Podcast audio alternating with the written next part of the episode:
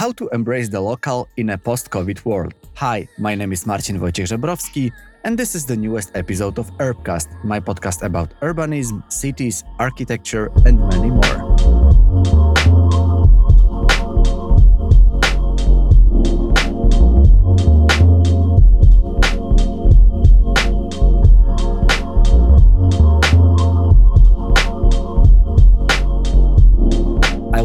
Introduction very short today, as I have an extremely interesting conversation to share with you. And this time I talked to Liselot Stenfeld, who is the Director of Innovation at Gehl Architects. I assume that if you are listening to this podcast, you know very well who Gehl Architects are. But if you don't know, I just wanted to explain very quickly that Gehl is a global leader in people centered urban design with studios in Copenhagen, New York, and San Francisco who are making cities for people.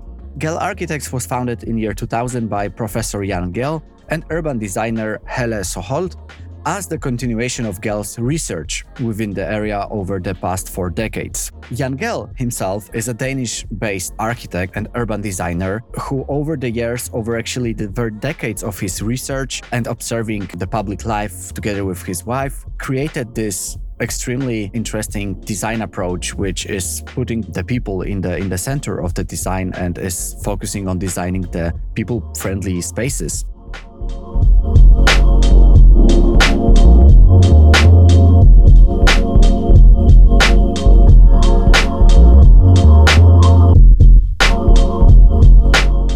to the topic of today's episode, I will be focusing on gaining the deeper understandings of people needs and behavior after and during the pandemic. And we will focus not only on the new appreciation and new love for the local, but also we will talk about the studies of the sound. We will talk about the importance of looking at the soundscape in our cities. So we will talk about the city at the ear level. Couple of months ago, Liselot, together with researchers from Aarhus University in Denmark, wrote a very interesting paper pointing at the importance of bringing more nuances to the discussion about sound in the cities. We are talking about the importance of taking into consideration the qualitative data about sound in our cities, because it's not only about the noise, it is about many, many more. We also focused on embracing the local, something that uh, Gehl Architects and Liselot are very good at. So I just wanted to invite you to the newest episode of Urbcast.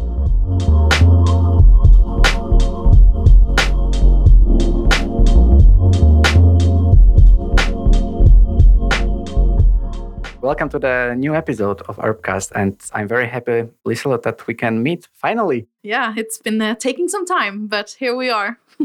It's been a long time, but I'm happy that we can um, discuss the new scope on sound of Gehl Architects, and not only, we will um, and just come to that as well.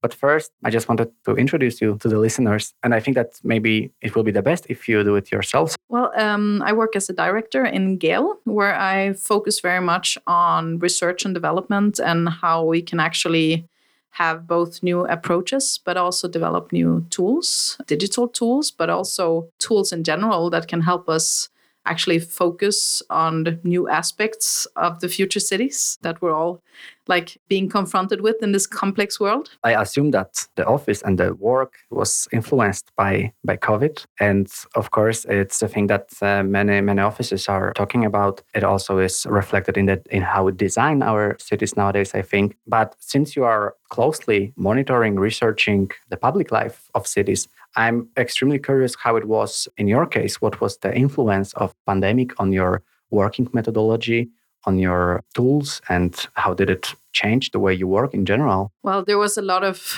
changes. You could you could almost talk about a historical moment in life where we got the opportunity to actually look at the city from a very very basic point of view. Like the shops were closed, the restaurants were closed, the cafes were closed and what actually did encourage and discourage people in this time. Mm. And um, that affected the way we use our tools and methods. Even though it's the same values, it's still the 12 quality criteria, which is very uh, old take on this urban planning that we still, of course, use. But this looking into cities, very qualitative and a bit more local, and not being able to be there. That's a dilemma that is really special. I mean, Gehl is a company that has traveled a lot. We always travel out to the cities we work with to observe it. But what do you do when you can't travel? So this, of course, put a extra pressure on things that was already in development, but it put a extra pressure on how we collect data, how mm-hmm. we filter and store data, and how we communicate data what platforms do we use when we can't go out and talk about it and it also made us think very much about other aspects in our tools that has always been there i think many architect companies or companies in general recognize this it's not like it's a new thing but it got accelerated to start talking about for example data ethics Mm. in a new way what do we do all of a sudden with this kind of ownership to data? How do you get consent when you do it online? How do you include everyone? Like, how do you make sure that it's still diverse what you're working with? When you, for example, collect big data online, like, how can you make sure that all the data you are gathering is actually living up to the values and standard of the company?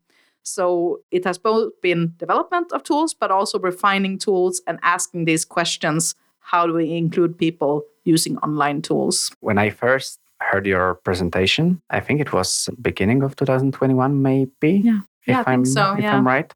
And you've been also presenting this report, Public Space, Public Life, when you've been um, researching for Danish cities of Copenhagen, Horsens, Helsingør, and Svendborg. And when I first saw this publication, this report, I was wondering how did you manage to research and to talk to people in the midst of the pandemic, where we suddenly got this this strange feeling of lack of trust kind of in this public space, right? Like Yeah. people just not uh, trusting each other and asking each other to just step away and leave some room on the street. Yeah, So how did you manage to yeah to talk to people to research that yeah. in these strange times? Well, it's, it's a very good and fair question to ask, especially how do you interview people with two meters between? That's difficult.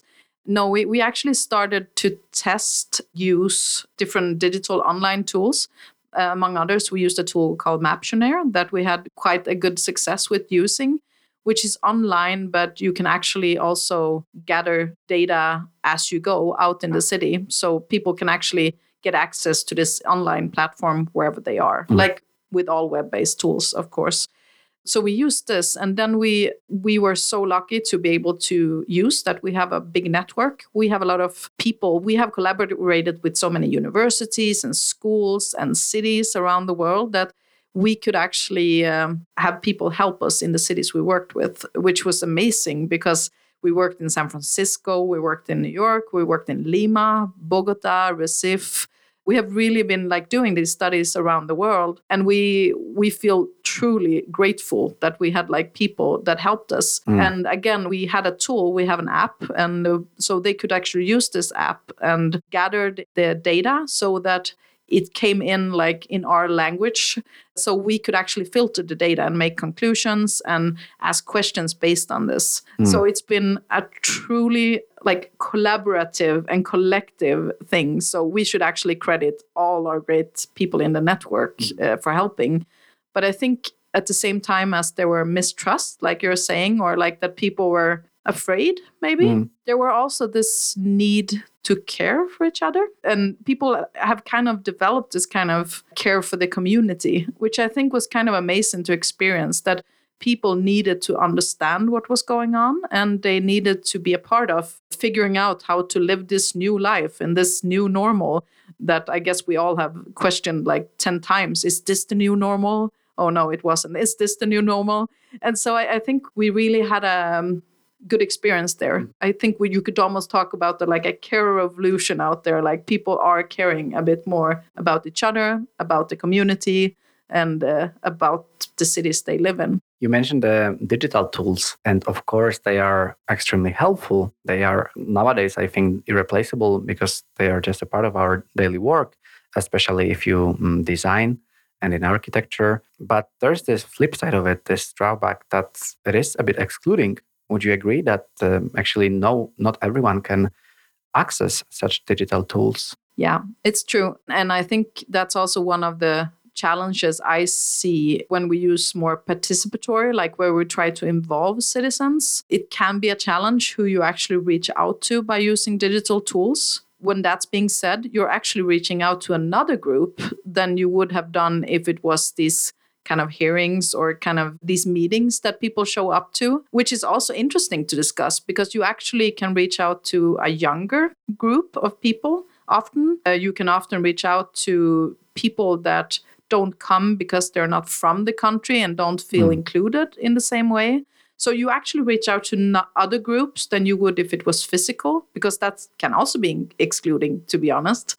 When that's being said, you could say that the tool, the core tool Gehl uses, is very much about observing. So the tool we have, the app, or what we call the Gehl lens, is observing. So the tool that we have the ambassadors out in the city using is something that helps you observe who is using the city, who are they together with, are they in groups, are they keeping a distance or not? Like we had a lot of these parameters that were also like added because of covid. Did they have mask or did they not have mask? And so all of this we added in the app so that the people that helped us in our network could actually observe for us but using this matrix that made it very like objective for them to use. So in other words, they were actually looking what was going on in a public space and in other words, everyone that was using that public space got involved. And then you can always use that data to say who was not there. And then when you put that together with data about the city, like how many people in this age group lives there? How many um, people from another country has moved here? Or you know all of this if you start to look at that you can actually say okay how big percentage of this group were using the space and then conclude who was not there. So i feel the way we're working is still very inclusive because it's not only reaching out and asking questions. I remember when reading the report that you've observed actually a handful of very interesting things. And one of them was that, especially here in Denmark, the public spaces, they kind of became more lively. And especially the mm-hmm. elderly and children started using the, these places. And I think it's just very interesting to observe and compare with different countries because I've heard that in my home country of Poland, there are even restrictions about the access to, to public greenery. So I think that was like a very bad decision that the access to the forest was uh, restricted and yeah. people basically were forced to stay at home or just walk around their block.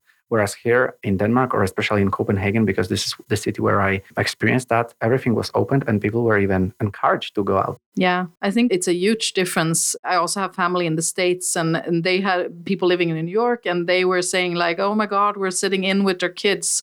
The parks were closed. They're like privately owned parks and they were closed to not be responsible for spreading COVID.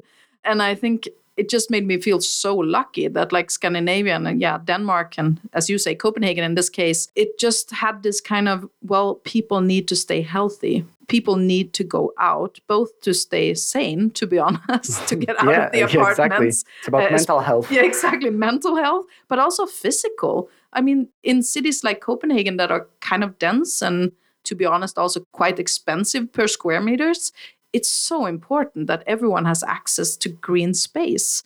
I would say it's never been more clear how important it is with open space, green space. And it was interesting to see how people were also using green space outside of the city. People were really, really just hungry for getting out, and uh, including myself. So I totally get the feeling and yes it was it was so inspiring to see how a lot of elderly people more than we registered before used green space and uh, outdoor area and small kids. You could say small kids that makes more sense because they were home from school. There's another kind of but the interesting part was that when it reopened there were just as many kids out. And i think that's also interesting that oh, so there was a newfound love for this local neighborhood. There were like, well, 80% decrease of pedestrian flow in the city center, but there were 20% like going up, at least in like Amager and Vesterbro and Nørrebro uh, and further out. So this was a super interesting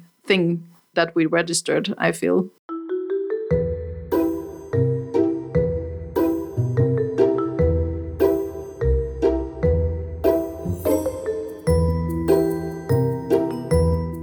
Let's just talk about this new law for the local. Mm. you mentioned that the local neighborhood just uh, got a lot of attention. Mm-hmm. And I think that it was uh, rediscovered. And this is something that actually, as I also observed in different countries, was kind of found as well. Again, in my home country as well, I heard about people discovering their own neighborhood, yeah. uh, getting to know their neighbors. Yeah and feeling that the place they live it is something that they are closely attached to. Absolutely. um, how did you observe the birth of the new localhood? Well I, I think when we started to realize how much more pedestrian flow there was in the local neighborhoods we actually made a new phase of the project where we only focused on selected local neighborhoods. And I think it was very interesting to see that in areas where there were a mix of amenities and where there were both like activities offered from the city, like playgrounds, parks that was like uh, hosted by the city, combined with some cafes or some offers, some street food, as long as there were like mix of these amenities and offers,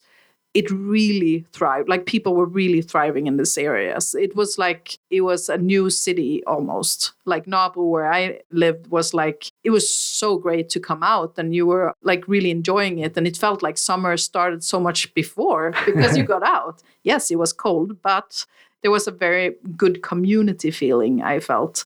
And I think going back to this care revolution I talked about, uh, there's actually this super inspiring researcher from the University of Texas, uh, Raj Patel, and he talks very much about this care revolution, like how we have started to see the people behind the systems all of a sudden. We have been sitting at home, ordering things online, things have been delayed, things have not worked, transportation has like there are still trains that doesn't go because there's no one to drive the trains. And that creates an awareness.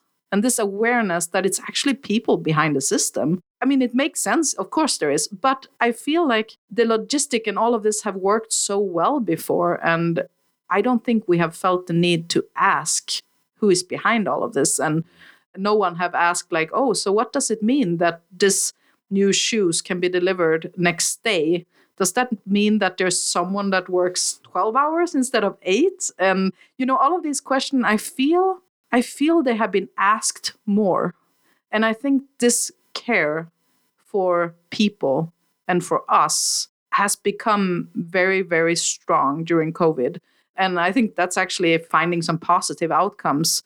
This is a really positive outcome because I think hopefully it could last that we remember that there are like people behind it.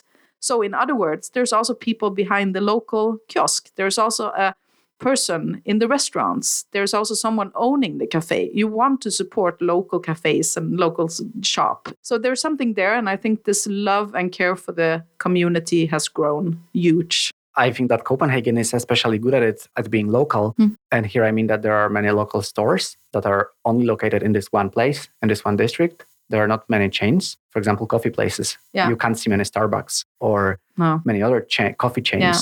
So you feel more attached to this your yeah. own local yeah. coffee place yeah. that you love to support. Exactly. So, do you think that we kind of realized and learned that if we don't support this local neighborhood, it will not be the same as we? I think so. Yeah. I think it has become i mean also seeing like some some of my friends having cafes they have struggled so hard and eh, you know and and then you start to also see how how much they're struggling to stay there and I think somehow, I mean, it's actually something we're looking into right now because I don't have the answer, but it is interesting to see who are the key stakeholders in a street. Like, if this shop close, will that be the death of the streets? How many are like the key stakeholder of a street? And would street with only chain stores would that actually survive, or would people just feel like, well, that's Starbucks will probably survive anyway. I don't need to support it. Or there's something very interesting with that is pointing at the balance of a like healthy and sustainable street. So it's actually something we are looking into and trying to figure out like how can we map this? How can we figure out what kind of phenomenon is behind how a good city works? Good example is Kö. We hear, hear so much about Køge being a very good Danish small city that is just working. Why? like it's just so interesting. So yeah, it's an area that is full of interest from our side. you are very enthusiastic when you talk about these observations, and I had the same.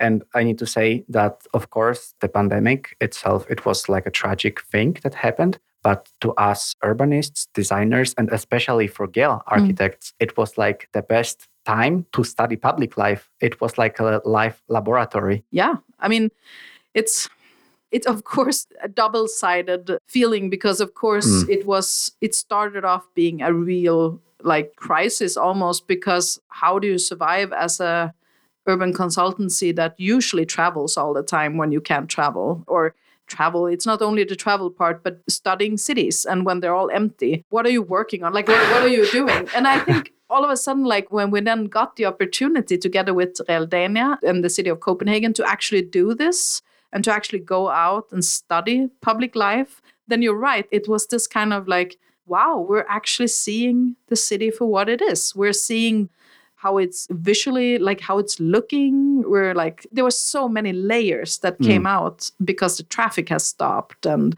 you know the shop were closed and people were just out thriving using the park. And why did they go to the park like there were so many other questions that that we normally would ask but wouldn't see in the same way mm. i think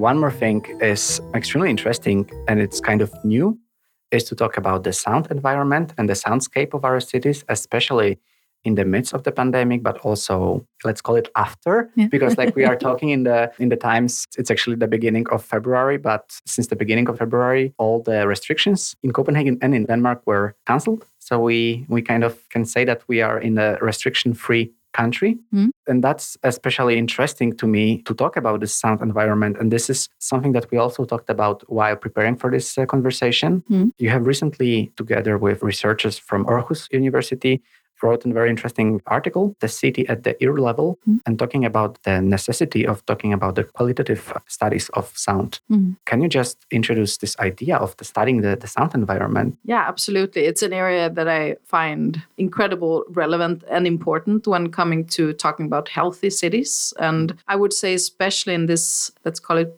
post-COVID time. Yes. um, I think Air it's quotes. yeah, exactly.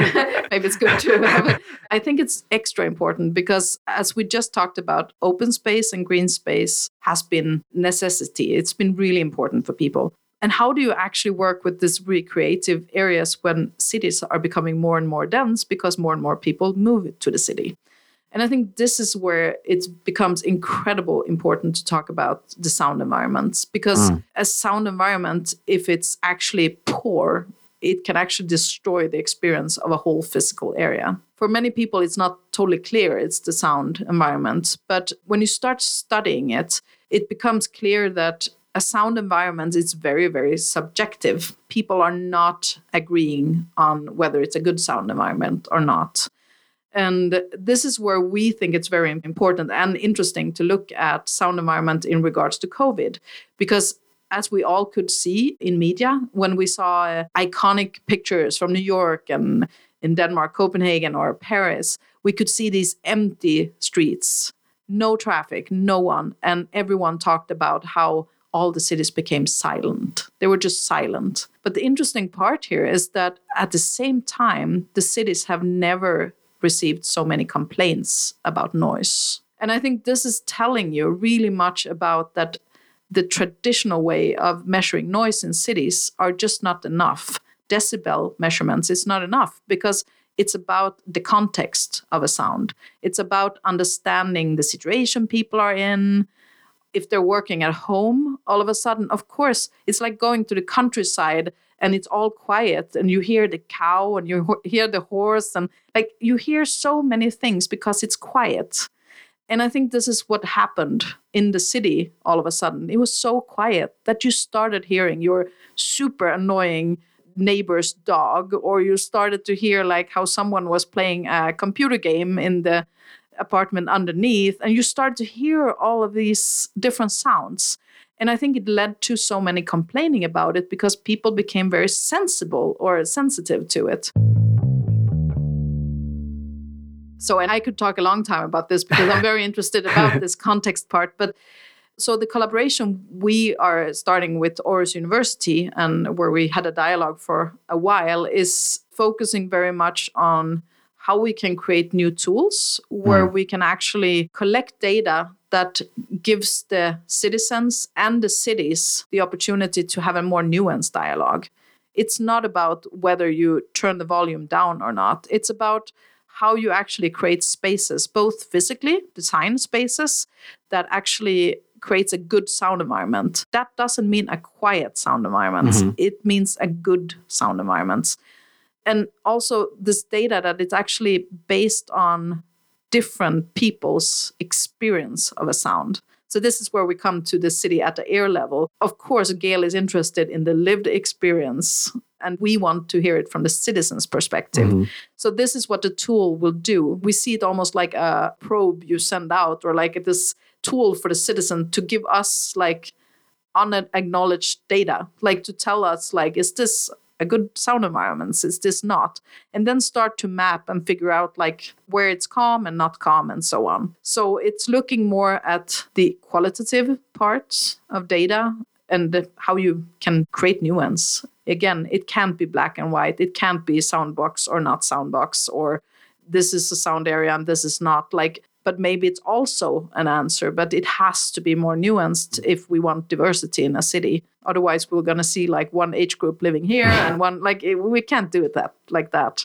So that's what we're trying to focus on. But elaborating on this how can we learn to perceive the sound in our cities and the sound environment not only as this quantitative thing, which is the noise and the decibels. Because what I think right now is that it is easier for a sound researcher to kind of have this developed understanding and perception of the sound. But even me preparing for this conversation, I just immediately thought about noise. Yeah. And you were like, no, it's not about the noise, it's about more.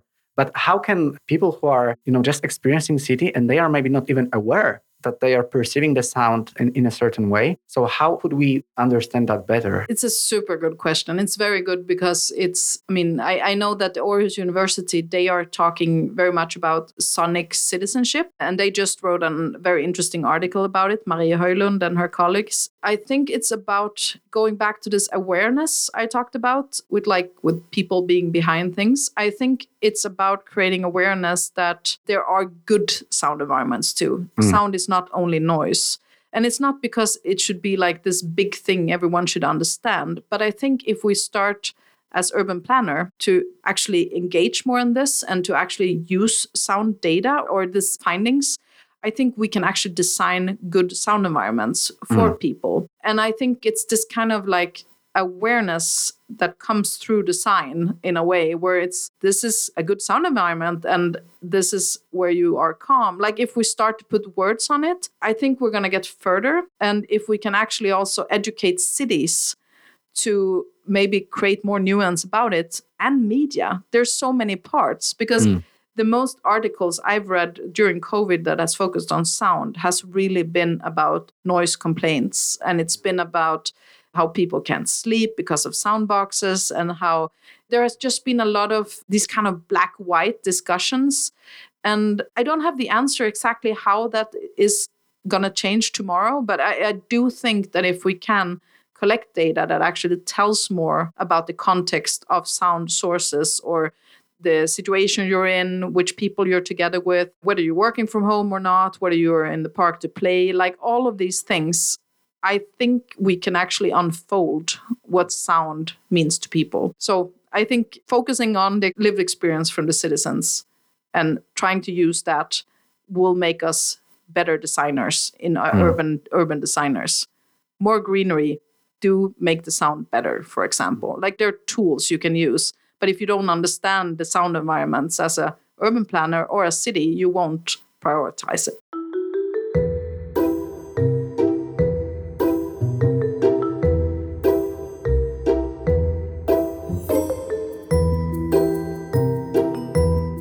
Just before we talk about the tools, I think that you said also something important out there that we perceive the sound and the soundscape, the sound environment differently as people. Probably it also depends on, uh, on our age, gender, and many other things. Mm. So, who and how should be responsible for designing our, our soundscape? Because would you even say that like who could be responsible for designing the soundscape of our own apartment in this case it's probably we who live there that design our own soundscape mm. in the apartment but also as you said uh, there were many complaints about the sound so where is the limit for uh, kind of my freedom of yeah. my soundscape right yeah. because like if i'm yeah. playing on my guitar yeah it is creating my own sound environment and mm. my soundscape but my neighbor hates that. That's true. I love your question because it's the whole dilemma with sound yes. is that people don't agree.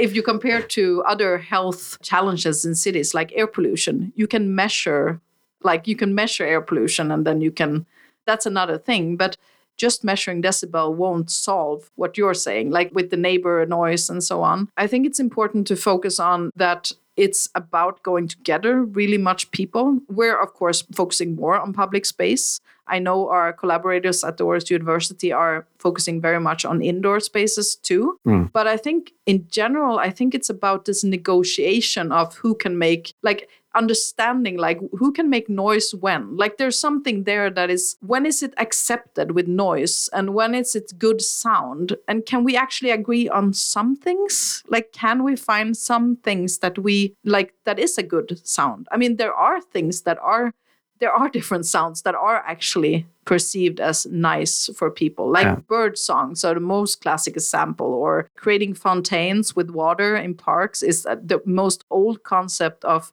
sound that actually keeps noise out of an area. Mm. And the more we understand these kind of like, oh, that's mapping the good sounds, then I think we can actually uh, incorporate that much more.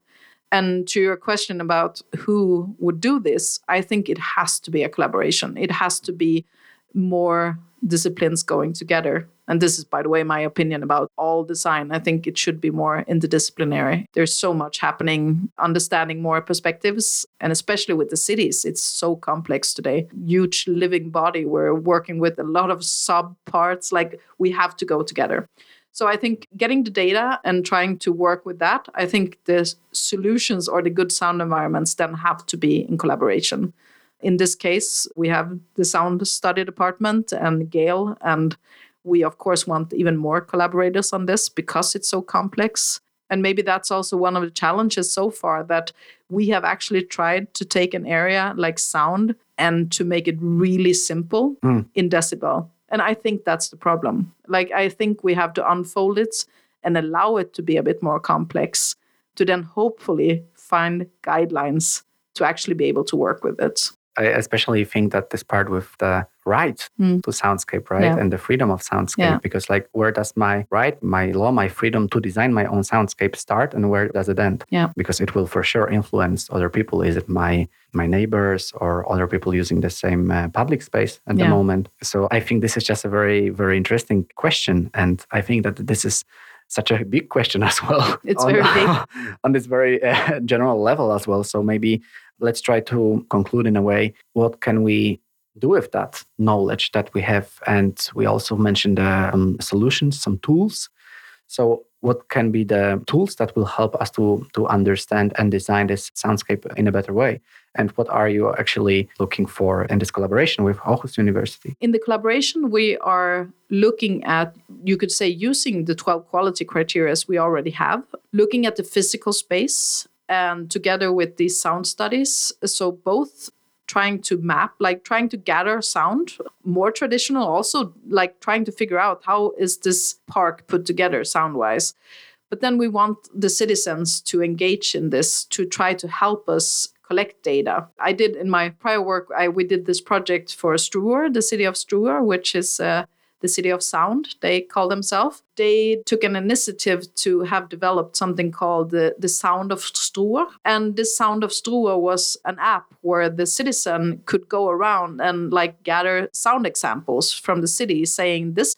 makes me think about this, this makes me do this. And that actually created this very nice map of what people found like this is a good space for me i always feel calm or and so on. So that was kind of a good example on like qualitative data on how they felt good in a city. And I think it's kind of in that direction to map it and to make the citizen actually contribute with this data. And you could say again, we are trying to feel, find more stakeholders to go into this because it is such an like important matter. And there's the whole part of well, if this should be truly integrated in urban planning and truly integrated into the prioritizing in the cities, it's also important to look at the standards today. There's a lot of standards on how you work with sound. It's not new to work with sound, it's just more called noise pollution. And I think getting the city, like the people responsible for noise pollution in this dialogue would also be truly interesting because it I think it would be able to make the discussion more constructive about what kind of solution we need to do. So that's where we are in our collaboration now and where we want to continue it. So you said that we talk a lot about the air pollution, the maybe also the light pollution, the sound mm-hmm. pollution, yeah. but it's not only about the pollution, right? It's way more complex than that. Yeah, and I think that's the biggest difference. And it, it's almost that it's almost like your brain is exploding when thinking about it because it is such a huge area. It's really yeah. huge, and I think that's why it's hard to work with. But just to go back to why I think many people would ask, like, what Gehl, why is Gehl getting involved with this area? And I think to us, it's very clear that it's because it is the lived experience and because it's such a big part of a healthy neighborhood and a healthy city. And the more we focus on the local, the more we need to look at these nuances too. We need to look at both the social changes and we need to look at the visual changes and we do need to look at the audible changes too mm. because it is a real threat to healthy cities so that's why we think it is important just to summarize could one of the solutions be if we talk about the, the life at the ear level, yeah. that, for example, cities will treat this challenge of sound in a more serious way by, for example, having, I just thought about it uh, right now, what if we had some sound coordinators in our cities? That's a good idea. Look, you already have the solution. no, I think it's a great idea. And I, I mentioned before, city of Struer uh, in Denmark. It's super inspiring city. They have really, I mean, they have a department focusing on sound in their city, and they they kind of try to incorporate it in very many of their new developments. And I think that's a really good way to do it. That it's like a a premise, like when when they have a a project they want to have done, it has to be a premise in it that people, if it's an architect company, they have to consider the sound perspective. And I think, I mean, that's a very nice way going in thread with what you're saying with the sound coordinator because it, it is important. And it's not only like concert or event based it's about our everyday life and just not getting totally blown away by like a lot of noise or sound that is not good for us. So yeah I, I think it's about using the data to make better decisions about how to treat sound in urban planning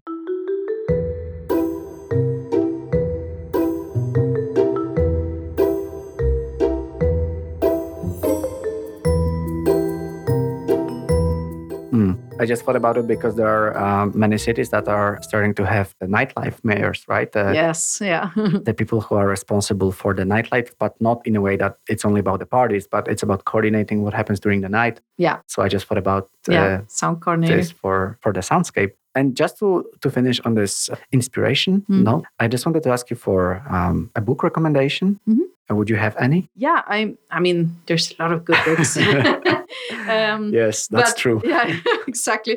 There is this book that came out 2021 that is written by Sarah Williams, that is associate professor at MIT. She also have this civic design lab, data design lab that she runs, and it's called Data Action, and it's about using data for public good. So it's focusing very much on how data can actually help solve a lot of good thing for people. So it's about this like to create something good, you actually need to do good data and this good data has to respect the people you work with and the data about the people. So she has some really concrete examples. Data action, it's called that because there is some action behind it. So it's not only like thinking about how it could be, but there's good project examples. So I would say for people working within the area of urban planning, architecture, societal science, like all of this, it would be a really good book to read. So it's the same as in IT, right? You if you want to have a very good end result, you need to have a very good quality data input. Exactly. And you need to ask the right questions. I think that's going back to the with the sound environments and all we talked about. I mean, it is truly about asking the right questions and to respect the outcome and think about the outcome that comes out, not in regards to shaping it, but more to say, are we treating everyone the right way when we send this out? How are we addressing all the different groups being observed or interviewed? Are we are we actually doing good with this? And I think it's one of the most important thing with data today because there's so much data out there. I hope that I managed to ask good questions today and you did. And thank you for answering them. Of course, and thank you for asking them. Lisa, thank you very much for yeah. our conversation. Yeah. I know that there is a lot of things if we want to just talk about uh, sound, but I'm really happy that we met and just started this discussion. So thank you very much. Yeah, and uh, big encouragement if people are interested in this, they should absolutely contact us. We're all about collaboration. It's the only way forward.